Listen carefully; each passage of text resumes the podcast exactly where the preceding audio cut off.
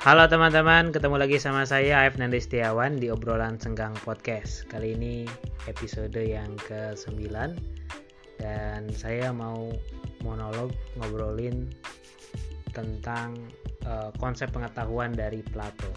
Jadi ceritanya sekitar seminggu yang lalu saya dengerin uh, ceramah atau lebih tepatnya kuliah dari Salihara. Saya lupa itu yang ngasih ceramah siapa cuman inti tema pembicaranya adalah tentang uh, Plato terutama konsep pengetahuan dari Plato.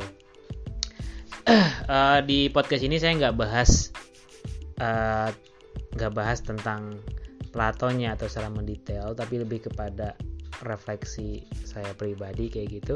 Dan semoga nanti teman-teman yang dengerin bisa ambil manfaatnya uh, nanti di sini saya jelasin dikit pas semacam pengantar pengetahuan ala Plato itu seperti apa dan nanti uh, uh, model praktiknya gitu dalam kehidupan sehari-hari kita bagaimana.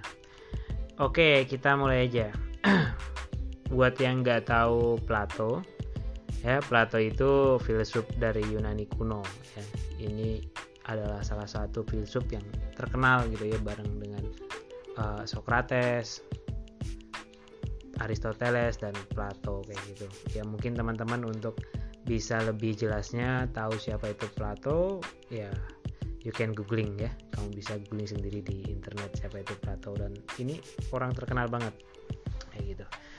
Jadi banyak banget sumber referensinya di internet.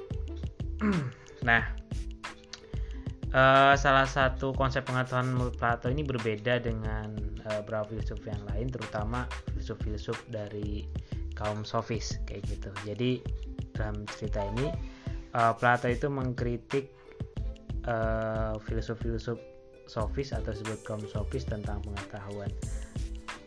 Kritiknya menurut Plato bahwa pengetahuan itu tidak bisa disampaikan secara retorik.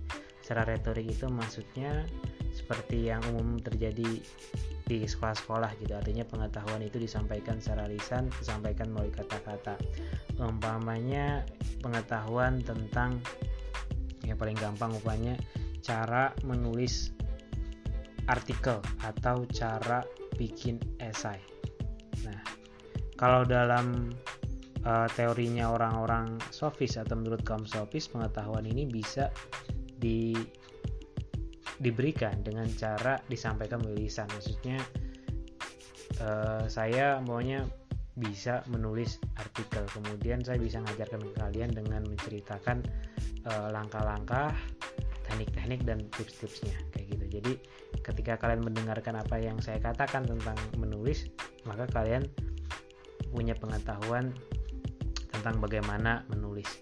Begitu juga dengan pengetahuan-pengetahuan yang lain entah itu pengetahuan filsafat maupun pengetahuan bisnis umpamanya. Hanya dengan dengan mendengarkan uh, banyak podcast bisnis atau mendengarkan banyak ceramah bisnis kalian mendapat pengetahuan tentang bisnis. Nah yang model pengetahuan seperti ini yang kemudian di apa dikritik oleh oleh Plato. Dia bilang bahwa pengetahuan itu nggak bisa disampaikan secara retorik kalau kita sampaikan secara retorik ya itu namanya bukan pengetahuan. Jadi pengetahuan itu hanya didapat oleh orang dengan cara dilahirkan. Dilahirkan maksudnya secara filosofis. Artinya begini uh, maksud Plato bahwa kalau kamu pengen uh, bisa nulis artikel atau esai yang bagus maka kamu harus melewati fase-fase sulit untuk uh, melahirkannya. Maksudnya kamu harus benar-benar berpraktik, belajar gimana sih cara uh, nulis yang bagus. Kamu berlatih berulang-ulang dan sebagainya. Tentu untuk bisa menulis bagus, uh, kamu nggak bisa hanya sekali menulis kan, tapi butuh menulis berulang-ulang, bisa berminggu-minggu, berbulan-bulan, bahkan bertahun-tahun. Dan untuk sampai level mahir, tentu ini kan uh, kamu lewat apa namanya mengalami banyak kesulitan, rintangan dan sebagainya dan ini tidak nyaman bahkan sakit banget kan. Nah proses-proses seperti ini kata Plato yang disebut proses sakitnya melahirkan. Jadi ketika kita sudah bisa atau sudah melewati fase ini artinya sakitnya uh, melahirkan maka di situ kita baru bisa dibilang uh, punya pengetahuan dan uh, apa namanya kemampuan kita menulis ya. Pengetahuan kita menulis artikel yang bagus. Nah ini namanya disebut pengetahuan. Kenapa? Karena kita sudah melewati fase apa yang disebut oleh Plato fase melahirkan. Kayak gitu.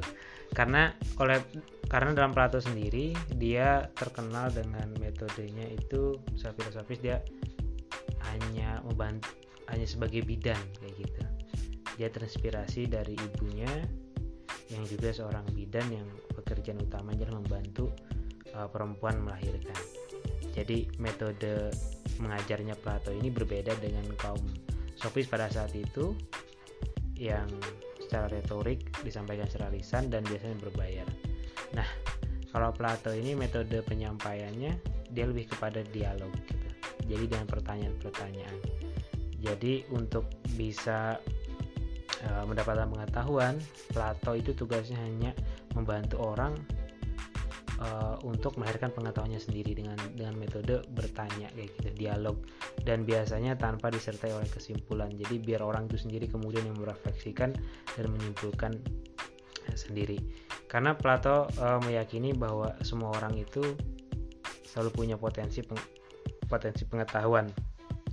Tinggal uh, kita sendiri mau apa enggak melahirkannya Nah setelah dengerin uh, Plato konsep pengetahuan Plato, saya merefleksikan uh, buat uh, buat teman-teman, buat saya dan juga mungkin yang lain bahwa konsep ini di sisi lain ya sangat bermanfaat juga sih menurutku karena uh, ini penting untuk menghadapi uh, dunia atau masa depan atau masa depan. Terutama teman-teman yang hari ini sama seperti saya udah siap-siap menghadapi dunia pasca kampus. Artinya bagaimana kita bisa memiliki pengetahuan ala Plato yang mana kita artinya mampu melahirkan suatu pengetahuan. Contoh kalau kita pengen belajar yang paling spesifik umpamanya Facebook Ads. Nah e, kalau modelnya kita hanya mendengar ceramah orang dari coach uh, coach bisnis banyak tuh di YouTube. Dengerin coach bisnis dari YouTube ataupun kemudian mendengarkan uh, podcast tentang uh, Facebook Ad dan sebagainya. Ya itu kita belum bisa dibilang punya pengetahuan tentang Facebook Ad sebelum kita sendiri mencoba dan berhasil. Ketika kita bisa berhasil menjual satu barang umpamanya atau berapa barang atau bahkan syukur-syukur bisa hidup dari situ maka bisa dibilang kita punya pengetahuan tentang uh, Facebook Ads. Tapi kalau belum belum belum pernah uh, uh, menjual barang ya melalui Facebook ya kita hanya punya informasi saja tentang Facebook Ads kayak gitu. Jadi ini refleksinya bahwa ke depan kira-kira berapa banyak pengetahuan yang akan kita produksi ya yang atau yang akan uh, kalian lahirkan karena seperti kata Plato bilang buat semua orang itu punya potensi untuk uh, melahirkan banyak pengetahuan tinggal uh, sanggup apa enggak melewati uh, fase-fase sulit dan rasa sakit ketika melahirkan pengetahuan itu. Ya, uh, begitu teman-teman. Demikian podcast singkat refleksi saya di episode yang ke-9. Semoga banyak membantu. Terima kasih. Assalamualaikum warahmatullahi wabarakatuh. Sampai jumpa sampai jumpa di podcast selanjutnya.